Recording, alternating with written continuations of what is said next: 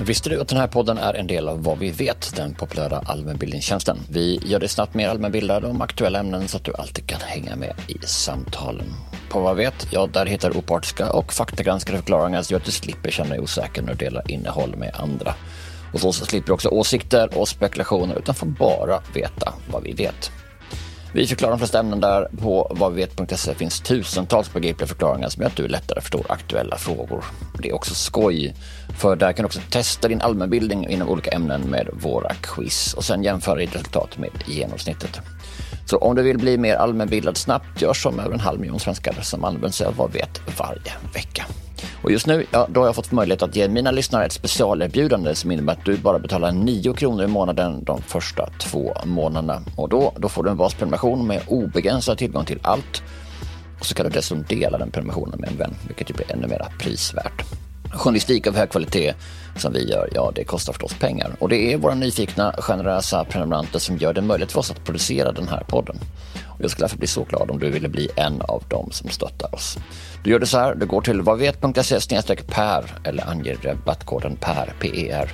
Vid utcheckning så får du prova på för bara 9 kronor i månaden. Det är alltså vadvet.se per eller rabattkod PER. Tack på förhand. A lot can happen in the next three years. Like a chatbot may be your new best friend. But what won't change? Needing health insurance. United Healthcare Tri Term Medical Plans are available for these changing times. Underwritten by Golden Rule Insurance Company, they offer budget friendly, flexible coverage for people who are in between jobs or missed open enrollment. The plans last nearly three years in some states, with access to a nationwide network of doctors and hospitals. So, for whatever tomorrow brings, United Healthcare Tri Term Medical Plans may be for you. Learn more at uh1.com. Ryan Reynolds here from Mint Mobile. With the price of just about everything going up during inflation, we thought we'd bring our prices down. So to help us, we brought in a reverse auctioneer, which is apparently a thing. Mint Mobile unlimited premium wireless. Ready to get 30, 30, bit to get 30, bit to get 20, 20, 20, bit to get 20, 20, bit to get 15, 15, 15, 15 just 15 bucks a month. So, Give it a try at mintmobile.com/switch. slash $45 upfront for three months plus taxes and fees. Promo rate for new customers for limited time. Unlimited more than 40 gigabytes per month. Slows. Full terms at mintmobile.com. Från vad vi vet, det här är Perspektiv med mig Per Granqvist. Den här utvecklingen med generativ AI som vi ser nu, det känns lite grann som iPhonen som kommer och nu kommer vi ta ett nytt steg och om tio år kommer vi se tillbaka och säga wow, vad mycket som hände. För en tid sedan fick min son besked från sin gymnasieskola om att de slutat med uppsatsskrivande, i alla fall för den här terminen. Orsaken? Ja, det är ChatGPT, tjänsten som använder artificiell intelligens för att svara på frågor och så man kan också be om hjälp för att framställa olika sorters texter, exempelvis uppsatser i skolan. När den här tjänsten lanserades hösten 2022 blev den starten på en ny era. För nu har tekniken som tidigare funnits i forskningslabb och på utvecklingsavdelningar hamnat i var mans hand. Och att sätta artificiell intelligens i perspektiv kändes därför som en självklarhet och lika självklart var att vända sig till Elin Häggberg för att prata om detta.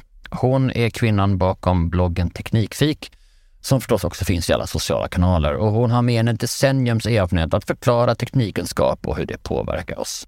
Och det här, ja det blev ett roligt samtal. Elin hade enkla och oväntade förklaringar av bland annat vad artificiell intelligens är. Vi ska definiera det. Och där vi även pratar om vem som egentligen borde känna sig hotad av att AI tar deras jobb. Om hur algoritmer fungerar och detta förklarat på ett sätt att vem som helst kan förstå. Och kanske också lite vad vi tror att vi kan vänta oss av utvecklingen framöver. Innan vi börjar, om du inte redan följer podden, pass på att göra det nu för att inte missa kommande avsnitt. Och som alltid når du mig på perspektiv vadvivet.se med tips på gäster eller ämnen som du skulle vilja veta lite mer om. Och därmed är det dags för Elin Häggberg. Hur ska vi definiera artificiell intelligens? Jag tänker att artificiell intelligens är ju ett samlingsbegrepp som vi använder för att beskriva olika typer av eh, algoritmer och eh, egentligen program, dataprogram, systemmodeller som på olika sätt Eh, vi uppfattar som mer intelligenta utifrån att de kan ta in information och eh, till synes då lära sig någonting av eh, data som man matar in för att sen ge resultat i andra änden som kan vara svåra för oss människor att liksom, till fullo förstå vad det är algoritmen faktiskt har gjort i slutändan. Vad har den här AI gjort för att komma fram till det här resultatet. När det sker, då känns det oftast bra att använda det här begreppet artificiell intelligens. Så man brukar prata om smarta system, så att det, det är någonting som gör mer än att vi säger till den, gör A, B, C, utan vi säger, här är massa information och vi vill ha resultatet, det här resultatet eh, på något sätt. Hur ska du ta dig dit? Och sen så får liksom den här eh, algoritmen själv hitta vägen fram på något sätt. Det är väl det som oftast brukar kallas eh, artificiell intelligens, men det är ju väldigt brett och jag tror att väldigt många också har en sån science fiction-uppfattning kring artificiell intelligens, att man, ja, men man ser framför sig de här liksom, maskinerna som tänker och pratar och kanske är robotar som går omkring och kan agera som människor. Och det är ju en, liksom en fantasi om artificiell intelligens. Och så vi har ju också med oss det liksom perspektivet oftast, att det blir nästan som magi, liksom, att man så fort man sätter på AI etiketten på någonting så är det som att vi bara släpper, henne, släpper ratten och säger att nu är det liksom, nu bara sker det av sig själv. Men det är ju inte riktigt sanningen. jag tänker också på att man, alltså, man släpper och tänker nu sker det av sig själv och man blir också så här slentrian imponerad liksom. Åh, här är flingor med AI. Man bara, gud, det låter jättebra automatiskt. Lite som så här raketost som både du och jag är väldigt mycket för unga för. Men det var ju någon liksom, som symboliserar liksom, rymdålder och framtid. Det kommer alltså under 60-talet någon slags papperstub stor som en toarulle och i den har man lagrat ost och sen skär man av det här med ett snöre så man behöver inte ha kniv. Alltså det som är liksom det raketiga, det är det som är det, futuriga i hela den här osten. Och det är väl liksom mycket AI idag är ju inte liksom så himla komplicerat utan det att man gör saker och ting. Eller så kan det vara en komponent av det. Så när vi pratar med, med Google Home eller med Siri eller med Alexa så är det ju liksom en artificiell intelligens som förstår rösten, som kan kontextstyra den och veta nu är det Per som pratar eller nu är min son eller nu är min fru som pratar eller så. Liksom, och utifrån det hämta information. Um, så det är också sån där, en del av det kan vara smart, en del av det bara liksom att man kan göra en röstprompt för att den hämtar något ur en databas. Ja, men jag tror att många tänker ju oftast när man tänker på de här artificiella intelligensassistenterna, att man tänker att det som är AI med det är liksom att de kan svara, att, det, att svaren är liksom AI. Men det är ju precis som du säger, att det som egentligen är AI främst är ju att de, eh, det här röstprocess, alltså att de kan ta ljudvågor och från ljudvågorna säga vilka bokstäver är de här ljudvågorna och om jag sätter ihop de bokstäverna till ord, vad betyder de? Och så kan jag använda dem för att googla ungefär. Det är egentligen det som är AI i dem, men man tänker sig att den på något vis är, är smart och förstår saker. Men när man börjar prata med dem lite mer regelbundet så inser man att de är inte de är inte supersmarta på det viset. Nej, och det händer också någonting med oss. Det är ju såklart när vi får den här röstprompt som man säger, alltså när man kan helt enkelt ge ett kommando via rösten till ett system. Jag hade för några år sedan eh, tillfälle att äta middag med hon som hade bestämt sig, Alexas språk. Hur är Alexa, som alltså är Amazons röstassistent? Hur ska hon svara? Vad har hon för temperament att bygga liksom en röstpersonlighet som ändå inte får vara i vägen? Och hon berättade ju ganska mycket om den datan de får in när liksom man frågar Alexa någonting, någonting. Och hur folk sen svarar, tack det var vänligt av dig. Alltså de här mm. helt onödiga sakerna om man tittar rent liksom, vad behövs? Det är inte så att man tackar Google när man har googlat. Men just när det blev i röst så hände någonting annat med oss. Att vi upplever liksom intelligens. Och det, intelligens det blir ju också liksom i betraktarens öga, precis som du kan tycka att en, en hund är intelligent som förstår vad han har lagt sin boll i köket. Men det är liksom, han har ju rätt lite grejer att hålla reda på, såklart han kommer ihåg var bollen ligger. det finns ju också någonting i oss människor. Vi har ju den här tendensen att leta också efter det här att vi kan se ansikten i eh, vägskyltar och vi kan vi uppfattar våra djur som liksom väldigt, vi knyter an till dem och det kan man ju se också med robotdammsugare.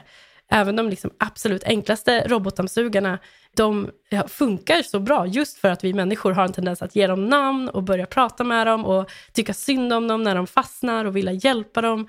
Och det är ju bara en burk liksom som åker runt. Den har ingen, liksom, inga känslor kring att den fastnar på en mattkant, men vi liksom läser gärna in det i saker och det hjälper ju utvecklingen. Alltså det skulle inte gå att utveckla heller röstassistenter om inte människor faktiskt fick ut någonting av att prata med sin teknik. Så det finns ju många parametrar i det här som handlar väldigt mycket om oss människor, hur vi är. Mm. Du nämner algoritmer och det gjorde jag också, och artificiell intelligens. Och algoritmer är ju en del av det. Alltså, det här är ju inte, det är inte en superviktig skillnad, för det är nyttan som är avgörande. Men jag tycker ändå det är lite kul att nörda ner sig en, en aning. Hur ska vi förklara algoritmen här då på ett sätt till skillnad från, från intelligensen? Alltså algoritmerna är det som utgör delar av intelligensen. Algoritmerna blir ska använda dessa människoliknelser med någon slags nervtrådar, för det, en algoritm är ju bara liksom en, ett kommando i sin enklaste form, eller en ekvation kanske man ska säga. Ja, man kan ju beskriva en algoritm också som en instruktion. Man brukar säga till exempel att en algoritm är som ett recept, att man säger att ja, men, eh, ta det här och ta det här och ta det här och gör det här och då blir det det här i slutändan. Och eh, en algoritm är ju också liksom uppbyggd på det sättet. Sen blir det ju bara att en, eh, när man pratar om artificiell intelligens så blir den här algoritmen så mycket mer avancerad. Och i, i slutändan så kan man ju lära en, alltså skriva en algoritm som uppmanar modellen eller systemet att fortsätta skriva algoritmen själv. Och det är väl då man kan börja prata om någon sorts AI, liksom, att den kan eh, börja göra grejer på egen hand så att säga, på ett mer avancerat sätt. Men det finns ju inte en jättetydlig skiljelinje mellan algoritmer och AI på det sättet utifrån att en AI alltid bygger på en algoritm. Just det, och dessutom så en algoritm kan ju bestå av flera algoritmer. Alltså det är också liksom, precis som att ett recept kan bestå av flera recept. Först ska du göra degen och sen ska du fylla den med äpplen och sen ska du göra någonting annat. Liksom. Ja, men exakt. Men i, i grund och botten har vi väl har vi kodsträngen och för de som inte har börjat sina dagar med att programmera så tror jag att det kan vara hjälpsamt att också förstå det. Där man, väl, man kan säga, hur ska vi beskriva liksom den grundkärnan i programmering? Det är väl if this then that va? Ja, precis. Man säger att eh, om någonting är på ett visst sätt så ska följande ske. I liksom binärkoden, om man tänker ettor och nollor, så var det ju en, eh, ska en liten switch vara på eller ska den vara av? Och i vilken ordning ska den vara på och av? Så enkelt är ju egentligen koden på, eh, byggd från början och det är ju grunden i all kod. Liksom. Sen har vi bara lagt på fler och fler lager av att kunna uttrycka oss mer i språk som vi känner oss bekväma med. Liksom. Men det är ju liksom eh, grunden i, i allting. Att, ja, men om, och det kan man väl säga om, om vi går tillbaka till Instagram-algoritmen också, att det säger den ju då, men om Per stannar upp 0,22 eh, millisekunder på den här videon med den här ja, modellen som byggs, ja, men då ska vi öka på den. Då ökar vi på den, det intresset med plus ett poäng i någon annanstans i algoritmen. Och sen kollar vi, ja men där var det en like, ja men då är den värd, då ska vi lägga på 10 procent här. Så att det är liksom om like plus 10 poäng på det intresset eh, och så vidare. Så det är ju liksom, det är ju så där algoritmerna jobbar liksom. Och det är ju, du pratar om de här olika, det mest grundläggande liksom av och på, ettor och nollor. Man slår av och på olika relär och det kan vi också säga som kuriosa kunskap att i början när man skapar de första datorerna och det sker ju såklart i liksom största utvecklingen sker i Silicon Valley för där har man kisel, eh, det är där man tillverkar kretskort och därför får, får liksom den där dalgången söder om San Francisco sitt namn. Men där bygger man de här enorma datorerna som är stora som, och det är IBM och lite sådana som också bygger det här, men de är stora som rum och kan i princip ingenting med våra mått mätt. Men då är det långa rör i glas man använder. Jag har glömt lite varför man använder dem, men det är på något sätt för av och på. Och då var det ibland så att de där rören var lite otäta och då kunde komma in grejer i dem, uh, till exempel insekter. Och det störde och det är så man jagar buggar från början, för bugg betyder ju insekt. Det tycker jag är otroligt skojig trivia. Liksom ja, man... man... tänker ju inte att det handlar om faktiskt verkliga insekter. Men det, ja, från början, men alltså, nu ska vi verkligen jaga, vi ska jaga insekter den här. Vi ska som squash a bug kan man ju säga. Liksom. Man måste alltid börja dagen med, om man jobbar med scrum, man måste alltid börja dagen med liksom att vilka buggar måste vi döda? Och det var liksom bokstavligt talat det man gjorde en gång i tiden. Det är ju dessa, dessa algoritmer som påverkar oss. Jag menar, det, det vi har det är runt omkring oss. Men vi har ju också, vi tänker som hur vi analyserar köpmönster är ju också ett sådant exempel där vi har algoritmer och därmed också någon typ av artificiell intelligens. Det erbjudandet du får från ICA är helt enkelt, du får fyra varor eller vad det kan vara och sen så tre av dem i alla fall helt och hållet. Shit, vilken tur att det just den här veckan är rabatt på Proviva som min familj dricker obegränsat av. Och det är också intressant att se hur vi då liksom, hur vi har blivit så bra att vi ibland kan, alltså kan bli liksom, liksom för bra i det området. Det finns ju så otroligt mycket data som samlas in idag kring vad vi gör i hela tiden. Alltså medlemsklubbar till exempel. Alla butiker idag frågar ju, är du medlem? Vill du bli medlem? Och det är ju av en enkel anledning att de vill kunna få data på dig som köpare. Vad är det du handlar egentligen? Och kunna knyta. För om du inte är medlem och du bara ja, men en dag går in och köper en mjölk och sen en annan dag går du in och köper en yoghurt, då, kan, då är det inte lika tydligt att ja, men det är du Per som har köpt mjölk och sen yoghurt.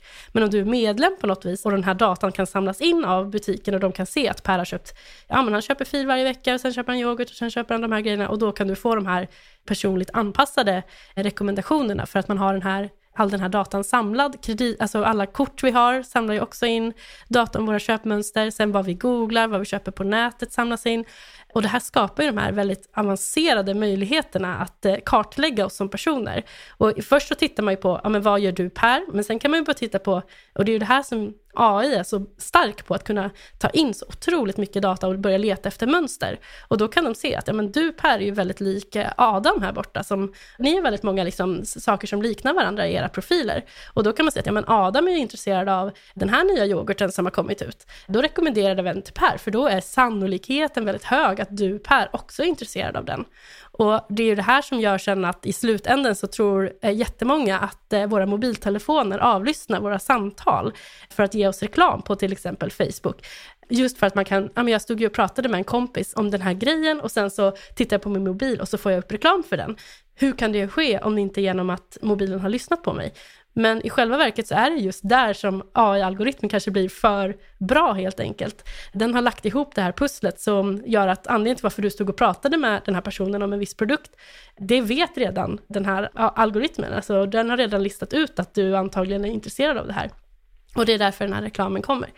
Så att det, det finns ju så otroligt eh, mycket idag som eh, algoritmerna kan jobba med för att skapa de här profilerna om oss, vilka vi är och vad vi är intresserade av.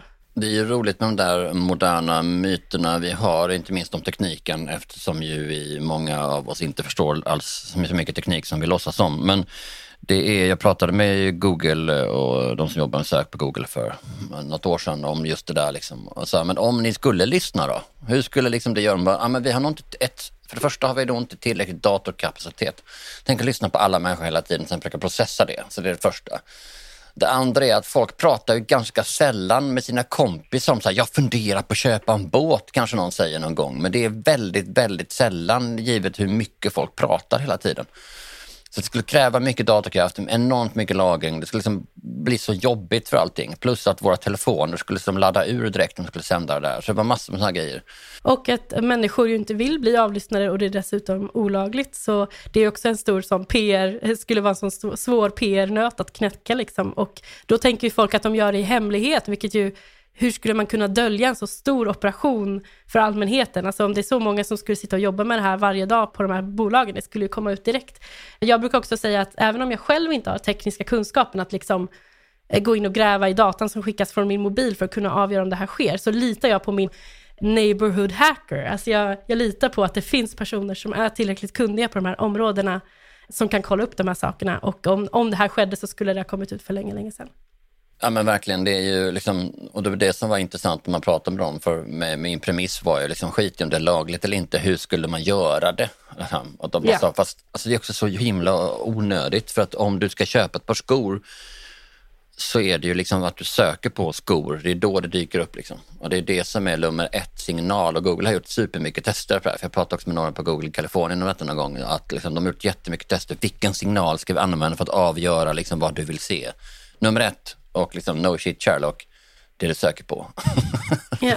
liksom... ja men, och det är just det också att de är så bra på det här och de har redan så mycket data om oss som vi helt frivilligt och lagligt ger dem Så de har ingen anledning att göra det. Att göra en sån stor, konstig, eh, jättedyr och svår operation. Och det är Men det är fortfarande tyvärr jättemånga som tror att, att det är så. Ja, men det är också sen så har jag gjort ibland, man sitter i något researchprojekt, plötsligt får man svinkonstig reklam och då är det, man kan ju faktiskt gå in på sin My account på Google och liksom hitta exakt hur, vilken psykografi som det då kallas för istället för demografi som är alltså ålder och kön, sånt, psykografi men det verkar vara och vad de har hittat och där kan man ju då se att liksom, ja, men kanske har jag sökt på olika dioraman i resin på Youtube och därför får jag upp det reklam för det. vad det kan vara. Och då kan man ta bort det. Så det är liksom också en intressant man, jag tänker vi har också mer kontroll över i alla fall på vissa plattformar. Liksom. Och sen läser vi såklart också bara när det går fel. Som, eh, det finns massor av exempel som hon på, som handlade på den amerikanska kedjan Target och olika grejer och där fick hon sen plötsligt erbjudanden om blöjor och om liksom annat som hon fattade liksom inte som man skulle ge till någon som var gravid. Och sen visade det sig att hon faktiskt var gravid. Så Target visste helt enkelt om innan hon var gravid att hon var gravid. Och det är ju någonting som vi också kan se ibland att folk kan få på i andra kanaler också. Men det sägs ju, och det vi har inte kunnat kolla upp riktigt, men det sägs att det är efter det som om, som liksom om ICA och liknande, i alla fall Target, ger dig tre exempel på vad du borde gilla så har de en särskild algoritm som ger dig något som är helt fel. Bara för att du ska känna, ah, de har inte fullständig koll på mig. Det är klart jag Nej, aldrig... Precis, det där, det där känns ju som en, en viktig parameter. För det är just att när, när det funkar för bra, då blir man misstänksam. Då känns det nästan hotfullt eller obehagligt. Utan det måste kännas precis på gränsen. Det måste vara relevant, det måste kännas att vi får bra svar. Men det får inte bli så att det känns obehagligt jag tänker också när man ska prata om kontinuerlig intelligens, för det vi beskriver här, om det handlar om Google Maps eller om det handlar om ChatGPT som vi kommer till alldeles strax, så i grund och botten är det ju en inställning om att det här kan vara en förlängning av hjärnan eller att vi helt enkelt outsourcar en del sysslor från hjärnan till någonting annat. Ehm, den första miniräknaren uppfanns ju på eh, 1600-talet, en fransman som gjorde det här på 1640-talet läste jag till här från researchen. Han avsåg att förenkla arbetet i hans fars affär och då en fungerande mekanisk räknemaskin som används för skatteberäkningar i Frankrike fram till 1800-talet. Och sen 70-talet, det är då liksom som Canon och Texas Instrument och Sharp gör liksom, kommer med batteridrivna kalkylator. Och eh, den första solcellsdrivna kommer faktiskt 78, fun fact. Mm -hmm. Men för jag tänker det är någonstans det vi eh, så funderar jag på i alla fall på när det gäller som ChatGPT, de här nya sofistikerade plattformarna. Har du också tänkt på dem som miniräknare eller har du någon annan, ännu bättre liknelse? Ja, men jag tror att väl, det finns ju som en konstant diskussion som sker under teknikutvecklingen och man kan se den liksom om och om igen. Att det kommer en ny teknik som gör någonting som vi människor också kan göra, fast det gör det bättre, effektivare, snabbare, kanske med mindre felmarginal. Och först, vår första instinkt är alltid att vi känner oss lite hotade. Vi känner att det fanns ju liksom, innan miniräknarna fanns det ju människor som var jätteduktiga på huvudräkning som då hade ett liksom, ett försprång eller en skill som andra ville ha och som var väldigt värd någonting. Och sen så kommer det någon teknik som gör att deras känsla för att, eh, och det är någon, de, någonting de kanske har tränat upp under lång tid, inte blir lika värt längre för att nu kan vi göra det här på ett annat sätt. Och det känns alltid väldigt hotfullt i början. Och då börjar vi prata om vad är mänskliga värden och vad går förlorat med den här tekniken och vad kommer hända med oss som människor och det finns alltid de som kommer påstå att det här är slutet på världen som vi vet den idag. Och sen så går det några år och så börjar vi inse att amen, det var ganska smidigt att ha den här tekniken för att den hjälpte ju mig att kunna fortsätta göra någonting. Ja, men nu kunde många fler kanske starta en affär för att man kunde räkna ut saker. Vi förlorar mindre pengar för vi räknar fel mindre ofta och så vidare. Och den här utvecklingen kan man liksom se hela tiden och har man med sig det perspektivet när man ser nya verktyg som kommer, så är det ju väldigt lätt att tänka på det sättet också. Att, ja, men hur kan jag använda det här för att underlätta i min vardag? Vilka saker som idag tar lång tid kan jag göra snabbare? Eller vilka saker som jag väljer bort för att det är för dyrt och svårt kan jag faktiskt börja använda för att det finns ett tillgängligt verktyg för det här? Och vad möjliggör det för mig? Det är ett perspektiv på teknik som jag väldigt ofta försöker också använda i mina kanaler. Att jag säga att teknik är verktyg som vi kan använda för att göra våra idéer till verklighet. Alltså om du har idéer, om du är kreativ, om det är någonting som du vill skapa eller göra, så kan tekniken vara ett verktyg för att ta dig dit. Så det är liksom ett väldigt teknikpositivt perspektiv. Men sen så kan man ju såklart, jag tycker också att det är viktigt att vi med nya verktyg som kommer, att vi tar ett steg tillbaka och funderar på vilka konsekvenser kan det här få på lång sikt, på kort sikt? Och oftast är ju inte det konsekvenserna som den här känslomässiga responsen tar till. Alltså den här, nu kommer jobb gå förlorade, någonting som jag har övat på är inte längre värt någonting. De känslomässiga responserna, det är oftast inte det som är problemet, eller vad man ska säga. Utan eh, när det gäller den mer avancerade tekniken som vi har idag, med all den här datan som processas, profiler som skapas om oss, och att vi använder data mer och mer och mer för att ta beslut om saker och för att skapa nya saker, då tänker jag att det finns liksom andra saker som vi kan behöva ha perspektiv på. Till exempel då, ja men hur, en rolig sak med ChatGPT som vi pratade lite om, det är ju till exempel att den kan ge väldigt säkra svar som är helt, helt fel. Den låter väldigt övertygande, den låter väldigt korrekt när den säger det, men så, så är faktan är helt fel helt enkelt. Och då är det ju kanske den typen av saker man måste fundera på. Ja, men hur kan vi lita på den här tekniken? Vart kommer datan ifrån? Och eftersom den data som all artificiell intelligens idag baseras på är data som vi har samlat in på olika sätt som människor med våra fel och brister, med våra mörka, liksom, eh, vad heter det, vita fläckar, med våra ta begränsade tankevärldar, så är ju risken att vi tar med oss saker som vi inte skulle vilja egentligen in i de här algoritmerna och sen förstärker dem och liksom gör dem ännu mer befästa genom tekniken som vi skapar. Så att miniräknaren är ju, den är ju så pass begränsad att den liksom, ja men du knappar in och så får du ut ett resultat baserat på matematik. Den är ju väldigt begränsad. Men om vi skulle säga att eh, miniräknaren också skulle börja ge dig betyg, den skulle börja värdera dig till exempel. Ja, men att det inte bara var att, ja men nu räknar jag ut det här talet, utan den också sa ifall du var Betyder det här på att du är en smart person som gjorde den här uträkningen? Eller var det här ett bra sätt att räkna ut eller ett dåligt sätt? Som kanske skulle påverka din självkänsla kring matematik. Alltså förstår du? Och det är ju mer den tekniken vi har idag. Teknik som faktiskt värderar mer, som drar slutsatser på olika sätt. Och det är ju det som gör att jag tror att vi, även om vi inte behöver ta den klassiska teknikmoralpanikvägen i kritiken, så behöver vi fortfarande eh, tänka kritiskt.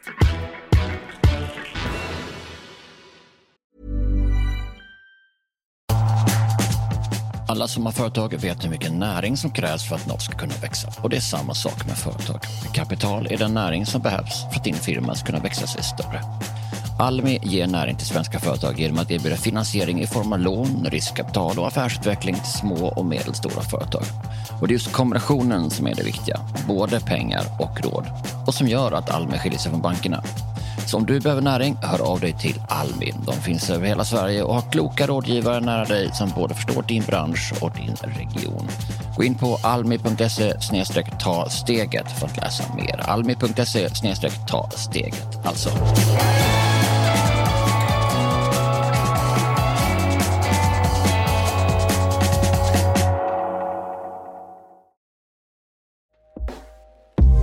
Everyone, I've been on the go recently. Phoenix, Kansas City, Chicago. If you're like me and have a home but aren't always at home, you have an Airbnb. Hosting your home or a spare room is a very practical side hustle. If you live in a big game town, you can Airbnb your place for fans to stay in. Your home might be worth more than you think.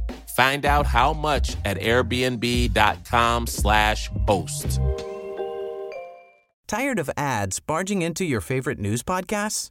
Good news. Ad-free listening is available on Amazon Music for all the music plus top podcasts included with your Prime membership. Stay up to date on everything newsworthy by downloading the Amazon Music app for free or go to amazon.com slash news ad free. That's amazon.com slash news ad free to catch up on the latest episodes without the ads. Det finns egentligen två sorters artificiell intelligens. Dels den smal och så finns det nyfiken och det är nyfiken som är det spännande. Liksom. Och, och AI eller narrow AI kallas också ibland för weak AI och bara för att de kan liksom helt enkelt lära sig någonting och göra det skitmycket bättre än en människa. Det finns till exempel liksom ett system som heter ROS, i alla fall i USA, jag tror inte det finns, jag vet inte om det finns i Sverige, men som ibland pratas om AI-jurister. De kan överta jättemycket liksom sånt som eh, juridikassistenter, vad de nu kan heta på, alltså juniorer på advokatbyråer kan hålla på med därför att det kan de säga, det här borde man göra, tjoff tjoff, det här borde vi göra, liksom, den kan titta på och ta fram data ur en miljard olika textdokument, bokstavligt talat. Och sen ge dig ganska precisa svar till komplicerade frågor på bara några sekunder. Och det är klart att de slår ju ut de juridiska assistenterna, för de behöver man inte dem längre. Liksom.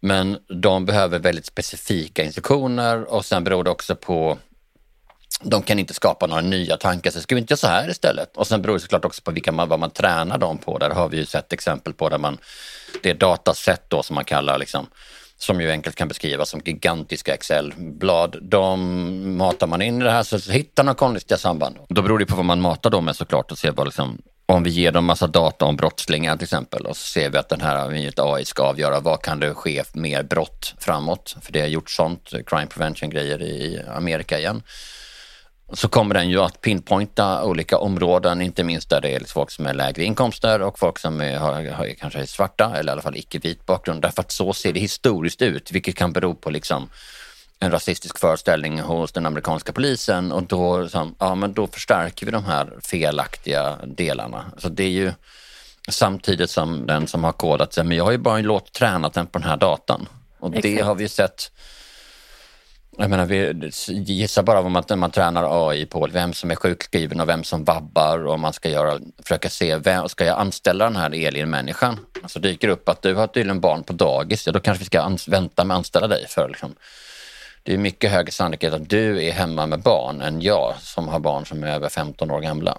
Och lägger man dessutom till då att jag som kvinna har mycket större sannolikhet att kommer ta större del av vabbandet och jag kommer, kanske kommer vara gravid någon mer gång och vara hemma och vara föräldraledig längre, så skulle, lägger man till den parametern så skulle det ju ännu mer då kunna bli en fördel för män jämfört med kvinnor. Tittar man kanske på löneutveckling skulle man kunna se att ja, men, en person som Per har ju historiskt sett haft en bra löneutveckling, liksom haft en, en bra karriärsutveckling. En person som Elin Eftersom data visar att kvinnor, när de får barn så tappar de i löneutveckling och, och det blir det här lönegapet. Så skulle man basera en algoritm på det så skulle ju kvinnor hamna mycket lägre i scoren för att eh, alla de här parametrarna. Och det liksom farliga i det här är ju att det är en korrekt analys. ja, det är inget fel på analysen. Och det är inget fel på frågan heller, men det blir ändå fel. Och det är där vi nu tittar på liksom det som ju hänt de senaste åren i då den här andra delen. Det här var ju den här smala eller narrow AI och sen så är det då den nyfikna AI som ju handlar om att försöka man ger systemet en uppgift att lära sig någonting, att nå någonstans och sen får den själv förstå hur den ska göra dit. Det här kallas också för reinforcement learning eller RL kan man höra ibland. Alltså att man ger, där man säger att prova olika sätt, titta på feedbacksignalen, har du kommit närmare eller inte närmare och så gör man det. Liksom. Så att det här kan vi till exempel se, de här robotarna från Boston Dynamics så är ju ett jättebra exempel på det. Alltså robotar som ser mänskliga ut. Atlas är deras mest humanoida robot och som då har lärt sig själv att krypa, gå och nu kan liksom springa. Och då, så de får lära sig det istället för att försöka programmera det själv. Och här sker ju supermycket grejer. Det är väl också så vi kommer in på liksom ChatGPT och DAL-I e och de här nya systemen som fått uppmärksamhet de senaste åren just för att de tycks utforska de tycks förstå saker. Man kan be dem att göra en bild som liknar som den är målad av Monet men den ska beskriva liksom, ska föreställa apor i rymden och då räknar den ut det på något sätt. Ja, och det här är ju nästa steg i, i AI-utvecklingen nu som har kommit så pass långt att den är tillgänglig för oss vanliga konsumenter och i en typ av interface som är väldigt enkelt och lättbegripligt och kul att använda. Och det är ju då som nu, nu har liksom, det är ganska intressant tycker jag, för att AI har ju, var ju faktiskt inte jättetrendigt begrepp egentligen. Alltså om vi tittar på 2021, så här, det var inte AI, jätte, det var inte jätteomtalat, det var nästan lite ute igen. Det hade varit inne, liksom, det var väldigt inne så 2018, 2019 och sen så började liksom intresset trappa av. Man började kanske hellre prata om blockchain eller något annat trendigt begrepp. Men sen så med de här nya tjänsterna som kom, nu har ju AI liksom skjutit som en raket och blivit jättetrendigt begrepp igen. För helt plötsligt så kommer det en ny utveckling som, även om, alltså alla vi som är liksom inne i teknikbranschen och man har följt den här utvecklingen, man har ju sett det här hända under lång tid. Det har varit små utvecklingar, men då har det varit forskningsprojekt och sen har det varit eh, tester och det har varit tidiga versioner och det har inte, man har inte kunnat testa det själv och då är det väldigt svårt att avgöra hur det kommer kännas, hur kommer det kunna användas. Men sen när det kommer liksom en konsumentprodukt som man faktiskt, man kan sätta sig direkt och börja skriva in grejer och se vad som händer, då händer ju någonting med oss. Det händer någonting med hela samhället. Vi liksom bara, oj, vänta vad är det här? Och det har ju krypit sig på, liksom, för den här typen av teknik har ju liksom redan krypit in i olika små tjänster på olika sätt, men vi har inte liksom sett den i den här utformningen. Om man tänker till exempel att ja, men de här DALI och Midjourney och Stable Diffusion, de skulle inte finnas om vi inte redan tidigare jobbat väldigt mycket med bildigenkänning. Google till exempel har ju jobbat jättelänge med att kunna ha ett program som kan titta på en bild och bara utifrån liksom pixlarna som den läser in kunna se vad är det på den här bilden. Och för att göra det så måste man ju ha ett sätt med bilder som man kan träna på, som den här modellen kan träna på. Men man kan inte bara ha bilder, utan man måste också ha text kopplat till bilderna att en bild på en katt faktiskt finns en tagg till den som heter katt. Så man vet att det här är katt. Och sen har man en bild på en hund och det är hund. Så den kan lära sig att det här är hund, det här är katt. Och tittar den på tillräckligt många bilder så blir den till slut så pass bra att kunna själv då hitta mönster i de här bilderna och säga de här mönstren, då är jag liksom 89% säker att det är katt och de här mönstren är jag 89% säker att det är hund. Och sen så tack vare den datan och att då Google också har börjat själv kunna titta på bilder då och sätta på taggar själv. Alltså att jag behöver inte skriva in att min bild på en katt är en katt, utan jag laddar bara upp den på Google Foto och sen när jag söker på katt så kommer alla bilder på en katt upp tack vare den här igenkänningsalgoritmen. Och eh, när det då finns sen då miljontals och miljontals bilder på internet med inte bara bilderna utan också text kopplat till bilderna, vad bilderna faktiskt föreställer. Då kan man börja träna de här modellerna som sen då kan börja skapa egna bilder utifrån vad de har lärt sig av hur brukar katt se ut. Och, eh, och, och, ja. också omvänt vill jag kasta in här, bara för det är så himla roligt, jag kommer tänka på nu att de där, eftersom de är tränade och de vet ju inte vad är grejen, så har det visat sig att en del saker kan inte AI se skillnad på, som vi kan tycka är ganska enkelt, som att skillnad på en liten hund och en blåbärsmuffin. Um, ja. Det är en klassisk bild, jag brukar använda den i mina föreläsningar, jag tycker det är väldigt kul. Chihuahuor och eh, blåbärsmuffin. Ja, uh, jag skulle nog dock säga att jag tror att AI faktiskt kan se skillnad på dem nu. Ja, jag tror nog också att den har kommit. Förr så var det en, ett klassiskt eh, exempel. Men det är också det att man, att det blir också väldigt intressant för att vi ber ju liksom datorn att göra någonting som vi själva lär oss under väldigt lång tid när vi växer upp. Det märker man ju när man har barn själv. Att ens barn lär sig kanske ett, ett djur då först, då lär den sig katt och sen så nästa gång så ser den en get och då kommer den först börja med att fråga katt och så säger man nej det är inte en katt, det är en get. Ja okej, okay, då har den lärt sig get. Sen nästa gång den ser en get, då kanske man kanske att det är en get, men sen ser den ett får och så ser den en get och så säger man nej det är ett får.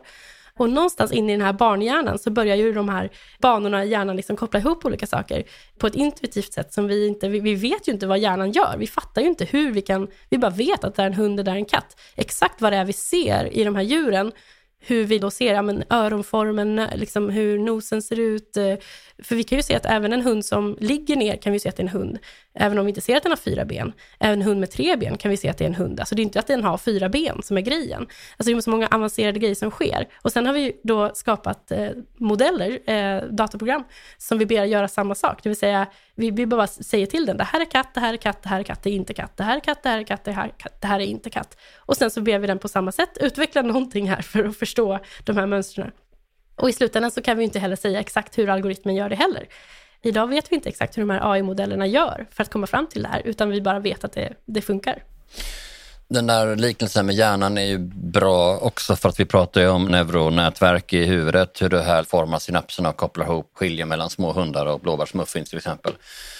Och det är det man också pratar om inom AI då med neural network eller neuronätverk på samma sätt. Att liksom de på något sätt letar sig fram i det och det är det som är den, den nyfikna AI, liksom, som, eller artificiell nyfikenhet kallar man det också, vilket jag tycker är kul. Och att de på något sätt kopplar ihop det där. Och där händer ju plötsligt massa saker nu. Vi har ju sett inte minst hur ChatGPT, som alltså kom hösten 2022, plötsligt använder man det. Och jag vill koppla tillbaka till också något som du sa som jag tycker är intressant för tekniken som sådan. Beroende på hur nördig du är så har du känt till att det här finns eller att du har förstått att det är på väg dit eller så. Det, det handlar bara egentligen om lite datorkraft och att sen koppla ihop olika algoritmer med varandra.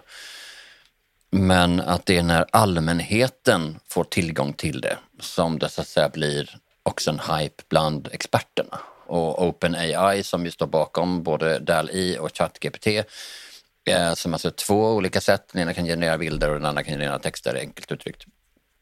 Har ju liksom funnits ganska länge, ett decennium ungefär och fått jättemycket pengar från olika. Liksom. Men det är plötsligt, plötsligt när man kan göra det tillgängligt på det här sättet att faktiskt folk kan leka med det och tramsa med det, då händer någonting. För menar, vi på vad vi vet när vi utvecklar våra tjänster och sånt, liksom, vi använder ju AI på olika sätt hela tiden. Allt från att titta på hur, när ska vi publicera sociala kanaler? Det behöver inte vi tänka på. Det kan ju AI bestämma tiderna.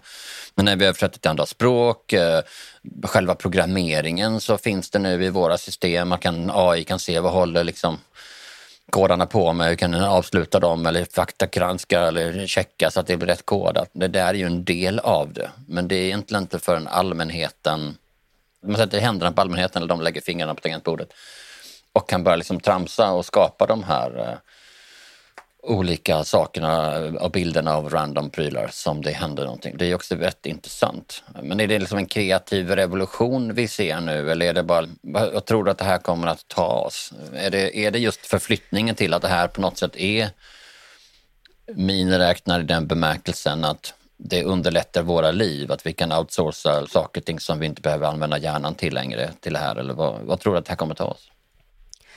Ja, men jag tror att eh, det finns väldigt mycket miniräknarpotential i de här verktygen utifrån att de kan ju assistera oss på bra sätt. ChatGPT är ju verkligen som en, en eh, liksom skrivarassistent.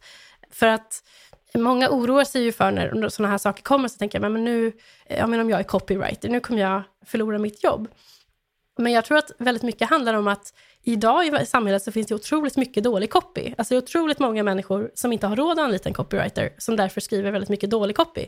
Och eh, istället då kan ju de kanske nu få hjälp då av ett program som kan hjälpa dem att skriva lite bättre copy. Medan jag tror att en copywriter kommer fortfarande ha jobb för att eh, människor kommer fortfarande se ett värde i att inte bara köpa en, in en persons skrivtalang, utan också köpa in deras idéer, deras kreativitet, deras tankevärld. Och den har ju inte ChatGPT på samma sätt. Men däremot kanske ChatGPT kan hjälpa den här copywritern att eh, generera idéer, att eh, förbättra en text, hitta stavfel eller liksom, ge förslag på förbättringar på samma sätt som man kanske skulle använda en skrivcoach. Så så kan man se det. När det gäller bilder så tänker jag samma sak där, att det finns många idag illustratörer, konstnärer som känner att ja, men, våra jobb är hotade. Men jag tänker att samtidigt, vi använder ju otroligt mycket stockfotos idag.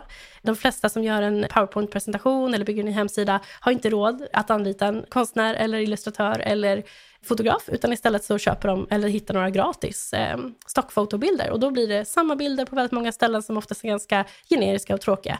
Och nu får man då istället möjligheten att kanske generera konceptuella bilder som passar det man vill göra, som blir unika och eh, kanske lite, lite bättre kvalitet. Men det kommer fortfarande inte, tror jag, konkurrera ut att anlita en fotograf eller anlita en illustratör eller konstnär om man har råd med det. Eh, de kommer ju bidra med så många fler värden. Men även där så kan ju till exempel en fotograf kan eh, använda en sån här tjänst för att snabbt skapa en moodboard att presentera för en kund hur man tänker sig. Alltså man kan visualisera sina idéer utan att behöva göra jobbet först och ge bättre introduktion till någonting. Illustratörer kan använda det kanske för att generera vissa komponenter till någonting man vill göra, eh, hitta referenser, hitta inspiration. Alltså, jag tänker att om man vill se det så, så kan man se det så. Och jag tror att det är mycket så det kommer att användas. Och när det gäller AI så brukar man också säga att när vi liksom väl känner oss trygga med de här verktygen, när vi börjar använda dem i vardagen, då kommer vi också sluta att kalla det för AI. På samma sätt som du sitter inte och kallar stavningskontrollen i, i Word, kanske inte du sitter och tänker så här, oh, det, är, det här är artificiell intelligens eller algoritmer som gör den här stavningskontrollen. Utan vi tänker bara, men det är bara ett smart verktyg i, i Word. Och eh, att Word då kommer bygga in någon liknande ChatGPT-tjänst och börja kunna ge ännu mer avancerade förslag på förbättringar, meningsstrukturer, kanske hitta faktafel, så kommer vi bara se det som helt naturligt, för vi tänker att ja, men det, det känns ju som en naturlig utveckling på stavningskontrollen. Och att du idag kan sitta och söka på en stockfotosajt och hitta bilder, alltså det kommer inte spela någon roll för dig om de bilderna finns i en databas redan, eller om de genereras utifrån din sökning på samma sätt som jag tänkt på till exempel Pinterest. På Pinterest så, jag sitter ganska mycket på Pinterest och där märker man oftast typ till exempel samma bilder dyker upp väldigt, väldigt ofta på vissa ämnen. Och vilket ju känns väldigt tjatigt. Om en AI då kunde generera nya liknande bilder som de som jag redan har sett, men som kanske ger mig samma typ av inspiration, spelar det någon roll för mig ifall den bilden redan fanns innan eller om den genererades utifrån min sökning? När man börjar tänka i de termerna så blir man ju till slut nästan lite snurrig för det känns som en vad kommer hända härnäst? Och lite så är det ju, att de här verktygen som kommer nu, de öppnar ju upp för nya möjligheter och nya utvecklingar. Och det blir ju ofta så här med tekniken att det ligger och puttrar, det ligger och puttrar, och sen kommer ett stort steg som gör att allting hoppar iväg. Om man tänker liksom mobiltelefoner och sen kommer den första iPhonen och så plötsligt händer det någonting. Appar börjar utvecklas, sociala medier utvecklas och sen så på tio år så förändras hela världen känns det som. Och jag känner att den här utvecklingen med generativ AI som vi ser nu, det känns lite grann som iPhonen som kommer och nu kommer vi ta ett nytt steg och om tio år kommer vi se tillbaka och säga wow, vad mycket som hände. Men det behöver inte betyda att det som händer är någon typ av jättemånga förlorar sina jobb och eh, världen eh, goes to shit. Eh, det behöver inte bli så, utan det kan också bara bli att vi tittar tillbaka och tänker oj, tänk att vi satt och gjorde så där för tio år sedan och idag är det så naturligt att göra så här. Och nu har det kommit alla de här nya yrkena som prompt writer expert och eh, AI strategy manager och vad det nu kan vara. Alltså det kommer komma nya jobb som, ja, som i, liksom i samklang med de här nya tjänsterna. Mm. Det är så jag tror att det kommer att se ut. Ja, men jag tycker det är liksom ett bra och klokt sätt att beskriva det på. Det tycker de det här du beskriver, om att det här för en allmänhet är det här bättre. Sen är det några specialister, liksom, de här som jobbat som juniorjurister och de är rätt onödiga, de kan göra någonting annat. Alltså det är klart att vi kommer alltid effektivisera, men att det är liksom, vi ska inte lyssna på de gnälliga juristerna eller de gnälliga copies som känner sig hotade. För är man hotad är man antagligen dålig, då förtjänar man att bli ersatt med en algoritm. Ja, men jag kan verkligen också förstå att man känner sig hotad, men jag vill ändå försöka ge människor lite det självförtroendet att så här, deras skills och deras, det de kan ha att komma med, det kommer vara så mycket större. Liksom. Om en AI kan göra det du gör, då är nog inte det, den uppgiften är nog inte liksom den som du ska lägga ner din själ i. Utan, för då betyder den att den är ganska repetitiv och förutsägbar. Eh, om jag tänker på de där eh, juniora juristerna som ska sitta då kanske och läsa igenom tusentals dokument om någonting för att skriva en väldigt mallad text i ett språk som ska vara på ett väldigt specifikt sätt. Man hör ju nu när man tänker på det, att det här är ju ett AI-jobb, det hör man ju.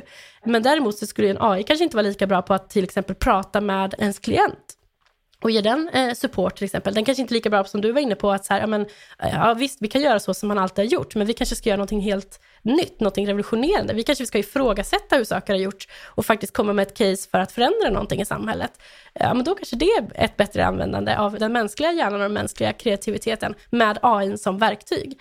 Så jag förstår verkligen den här rädslan, för den kommer liksom hela tiden med ny teknik. Och jag tycker det är sunt liksom, att diskussionen förs, för att den berättar ju för oss om vad det innebär att vara människa.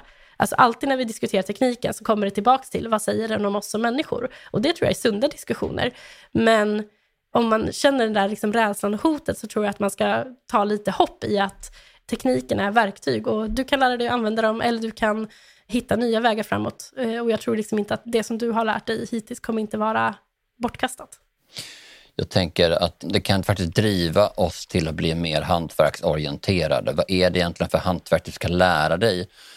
Som gör nytta för någon annan, som någon kan behöva. Lär dig då det ordentligt. Att är du en riktigt duktig illustratör så kommer liksom AI aldrig att kunna ersätta dig för att då har du en viss sorts kunder som är intresserade av den sortens illustrationer på just det sättet och som förstår att du kan ditt värde är både att kunna hålla en penna men dessutom att kunna säga då ska vi göra på det här förenklade sättet som är något helt annat men som skapar de rätta kopplingarna. Och det finns ju också, mm. sen tänker jag också på den här kritiken som kommer när man börjar yla om filterbubblor och liksom sånt där ju det stora problemet var inte liksom algoritmerna eller liksom eh, så här, och det är klart att filterbubblor finns för att de har ju alltid funnits i huvudet på människor. Och jag tänker det, jag läste ganska nyligen, det var en stor gamer i USA som sände på Twitch och sen så när han bytte flik så visade det sig att han på någon annan flik hade liksom deepfake-porr på några andra kvinnliga gamers. Och då är problemet är ju liksom inte då att han har lyckats använda AI för att göra liksom porr där ansiktena på de här tjejerna är inklistrade utan det är ju han som är ett arsle. alltså det, ja. det, blir liksom, det är klart att vi kommer ha deepfake, det används i filmer redan på olika sätt hur man ser det på det men när vi gör folk yngre eller äldre till exempel, är det ju deepfake i, i definitionen av det. Men det är ju hur vi använder det vi behöver titta på. Det är aldrig särskilt lyckat att säga att eh, vi inte ska ha ny teknik. Jag menar, även cykeln sågs som revolutionerande när den kom därför att man var rädd, bland annat var man rädd för att unga flickor då kunde cykla till närmaste by och därmed utöka, alltså marknaden för potentiella människor att gifta sig med ökade jättemycket för dem. Det är klart det var ett hot för de här gampojkarna som gick hemma och inte cyklade. Så det finns alltid där. Men jag tycker mycket om ditt sätt att beskriva det som det där bjussiga som det, folk som inte tidigare hade miniräknare får miniräknare. Folk som inte var så duktiga på att räkna snabbt i huvudet får möjlighet att kunna göra det i då överförd bemärkelse vad de än behöver. Plus att i vissa fall är det också helt avgörande, som att upptäcka bröstcancer. ska man inte låta läkare göra, utan man ska be att AI gör det, för det är högre säkerhet än läkare. Men kan läkaren ha andra åsikter som kompletterar, då blir det liksom bäst. Alla robotforskare och AI-forskare som jag har intervjuat, alla säger ju samma sak.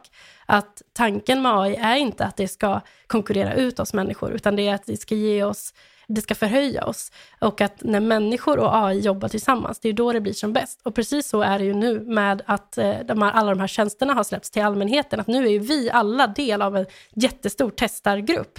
För vi värderar ju resultaten som kommer ut och den data vi genererar när vi testar de här verktygen, den tas ju med in i algoritmen och lär den att bli bättre.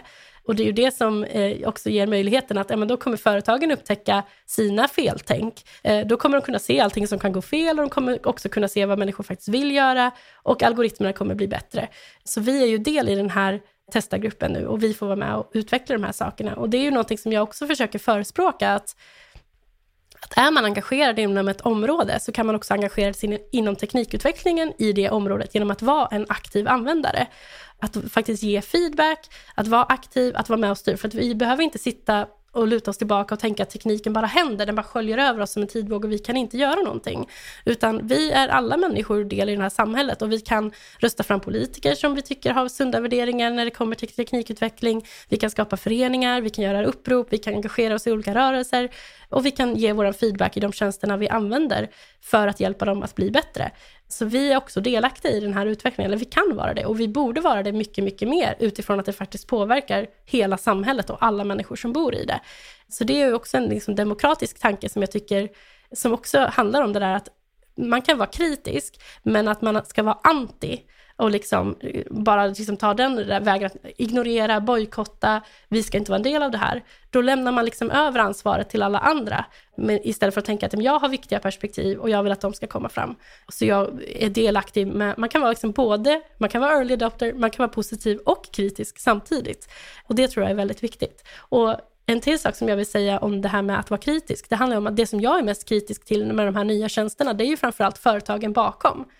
Dels så tycker jag att den här kritiken om att de har faktiskt använt väldigt många människors arbetstimmar, det vill säga arbetstimmar som konstnärer, illustratörer, fotografer har lagt ner på att lära sig sina hantverk och de har producerat det här materialet. Sen har de tagit det helt gratis, matat in det i sina modeller och nu kan de generera nya bilder det tycker jag ändå är liksom, utifrån ett arbetsperspektiv, liksom, så tycker jag att det är, det är en intressant kritik, liksom, och den, den tycker jag vi ska fundera på. Och eh, vilka är det som tjänar pengar? Var kommer de här pengarna ta vägen? Och hur ser, liksom, hur ser de här företagens värderingar ut? Det tycker jag också är intressant.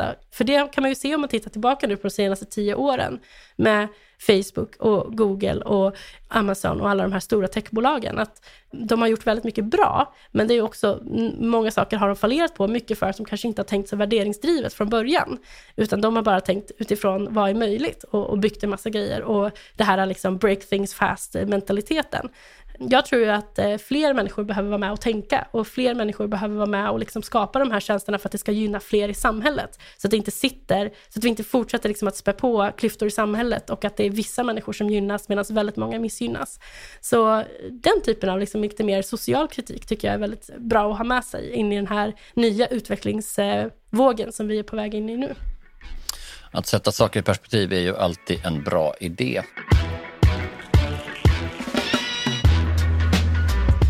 Avslutningsvis, tre böcker som eh, inspirerat dig eller som du känner att det här är någonting man kan ta till sig om man vill förstå mer av det här området eller tankarna bakom. Ja, den första boken jag vill tipsa om är Liv 3.0 av Max Tegmark.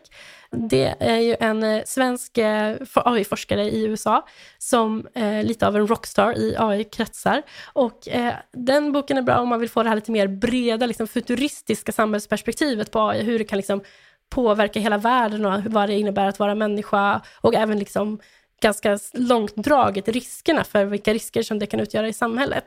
Och det som jag tycker är bra med Max Stegmarks resonemang är att han är väldigt mycket inne på det här just att vi människor behöver vara med och fundera på hur, den här, hur framtiden skulle kunna se ut. Att vi inte bara fastnar i ett scenario, utan att vi faktiskt presenterar fler scenarier och att vi diskuterar det här tillsammans.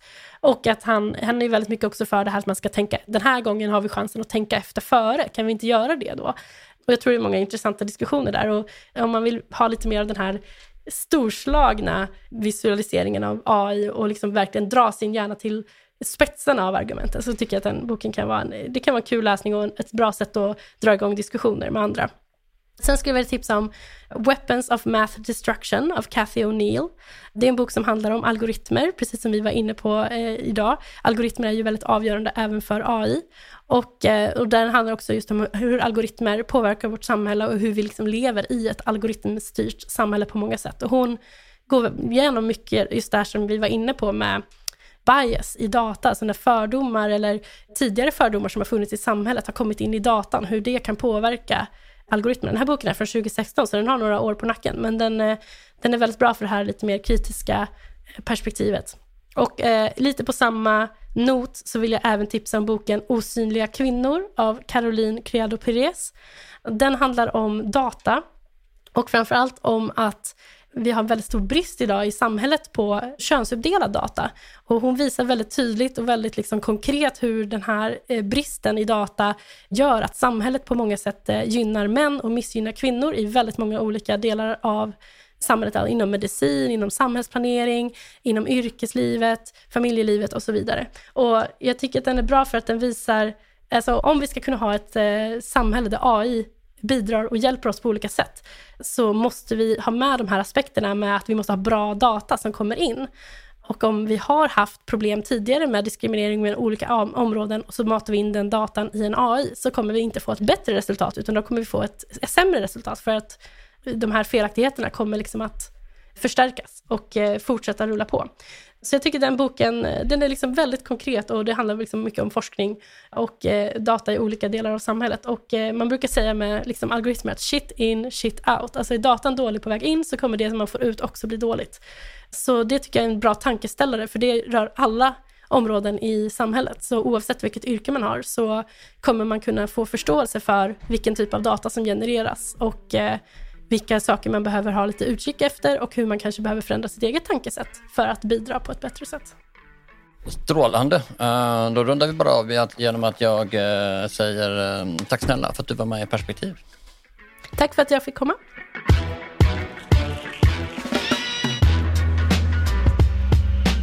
Du har hört Elin Häggberg och vill du läsa mer av henne, följ då bloggen Teknikfik eller följ Teknikfik i sociala kanaler för förklaring om teknik i vardagen, hur det påverkar oss bortom det tekniska. Och en av de saker jag tog med oss från det här samtalet var hennes sätt att definiera artificiell intelligens som något som överraskar oss helt enkelt.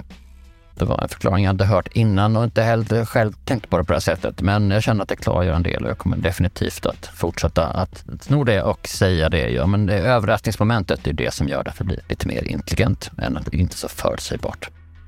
Då är frågan vem av dina vänner som skulle gilla det här avsnittet? Använd dela-knappen för att skicka det till dem då, den som du tror kunde uppskatta att bli lite mer allmänbildad om detta område. Producerare för det här avsnittet var Andrea von Essen. Jens Back stod för klippningen som vanligt och mixningen gjord av Stray Dog Studios. Nästa gång plussar vi på din allmänbildning genom att ge dig perspektiv och fördjupning om ett annat ämne. Vi hörs då.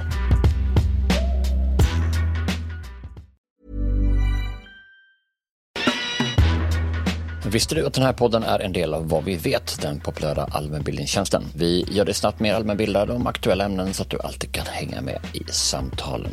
På Vad vet, ja där hittar du opartiska och faktagranskade förklaringar så att du slipper känna dig osäker när du delar innehåll med andra. Och så slipper du också åsikter och spekulationer utan får bara veta vad vi vet. Vi förklarar de flesta ämnen där. På vadvivet.se finns tusentals begripliga förklaringar som gör att du lättare förstår aktuella frågor. Det är också skoj, för där kan du också testa din allmänbildning inom olika ämnen med våra quiz och sen jämföra ditt resultat med genomsnittet.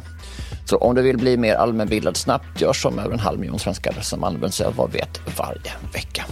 Och just nu, ja, då har jag fått möjlighet att ge mina lyssnare ett specialerbjudande som innebär att du bara betalar 9 kronor i månaden de första två månaderna. Och då, då får du en basprenumeration med obegränsad tillgång till allt.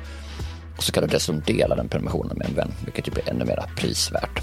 Journalistik av hög kvalitet som vi gör, ja det kostar förstås pengar. Och det är våra nyfikna, generösa prenumeranter som gör det möjligt för oss att producera den här podden. Och jag skulle därför bli så glad om du ville bli en av dem som stöttar oss. Du gör det så här, du går till vadvet.se per eller anger rabattkoden PER, PER. Vid utcheckning så får du prova på för bara 9 kronor i månaden. Det är alltså vadvet.se per eller rabattkod PER. Tack på förhand. Tired of ads barging into your favorite news podcasts? Good news. Ad-free listening is available on Amazon Music for all the music plus top podcasts included with your Prime membership. Stay up to date on everything newsworthy by downloading the Amazon Music app for free or go to amazon.com slash news ad free. That's amazon.com slash news ad free to catch up on the latest episodes without the ads. As humans, we're naturally driven by the search for better. But when it comes to hiring, the best way to search for a candidate isn't to search at all. Don't search, match with Indeed. When I was looking to hire someone, it was so slow and overwhelming. I wish I had used Indeed. If you need to hire, you need Indeed. Indeed is your matching and hiring platform with over 350 million global monthly visitors, according to Indeed data, and a matching engine that helps you find quality candidates fast. Ditch the busy work. Use Indeed for scheduling, screening, and messaging so you can connect with candidates faster. And Indeed doesn't just help you hire faster. 93% of employers agree Indeed delivers the highest quality matches compared to other job sites, according to a recent Indeed survey. And listeners of this show will get a $75 sponsored job credit to get your jobs more visibility at Indeed.com slash podcast. That's Indeed.com slash podcast. Terms and conditions apply.